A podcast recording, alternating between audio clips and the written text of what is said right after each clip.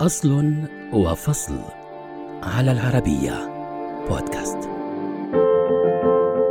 في عام 1817 اكتشف الكيميائي السويدي يوهان أوغست آرفويتسون معدناً قلوياً بشعلة نابضة بالحياة وسماه الليثيوم. لتنطلق رحلة طويلة في استثمار هذا المعدن الذي قاد لإنتاج السيارة الكهربائية التي غزت العالم اليوم، فكيف حدث ذلك؟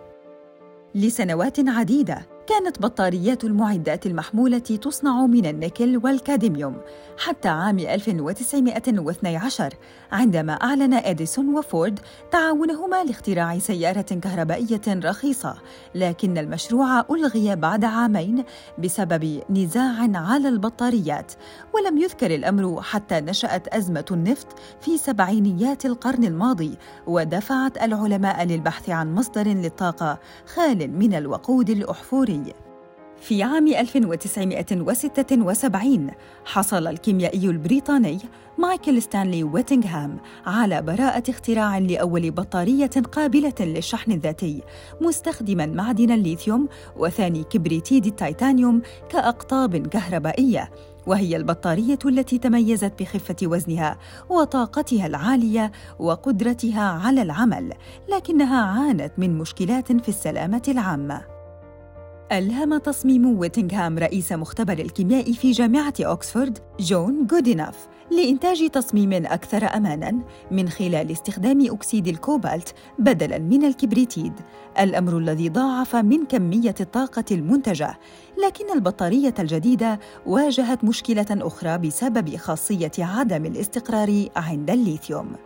شهدت تلك الفترة مساهمات علمية عديدة لتطوير أقطاب البطارية الجديدة، حيث برز اسم رشيد اليزامي وهو عالم مغربي بالمعهد الوطني الفرنسي الذي يعود له الفضل في اختراع لأنود جرافيت وهو القطب السالب الذي يستخدم اليوم في بطاريات ال Li-ion التجارية وبطاريات الهواتف النقالة. وأيضاً في البطاريات القابلة للشحن في المركبات الفضائية حيث تعاون لاحقاً مع وكالة ناسا وشارك في تأليف أكثر من 250 ورقة بحثية عن البطاريات وموادها وأنظمتها. في عام 1985 طور أكيرا يوشينو بطارية تضم أنودا من فحم الكوك البترولي لينتج أول بطارية ليثيوم آيون قابلة للتطبيق تجارياً ولفعاليتها.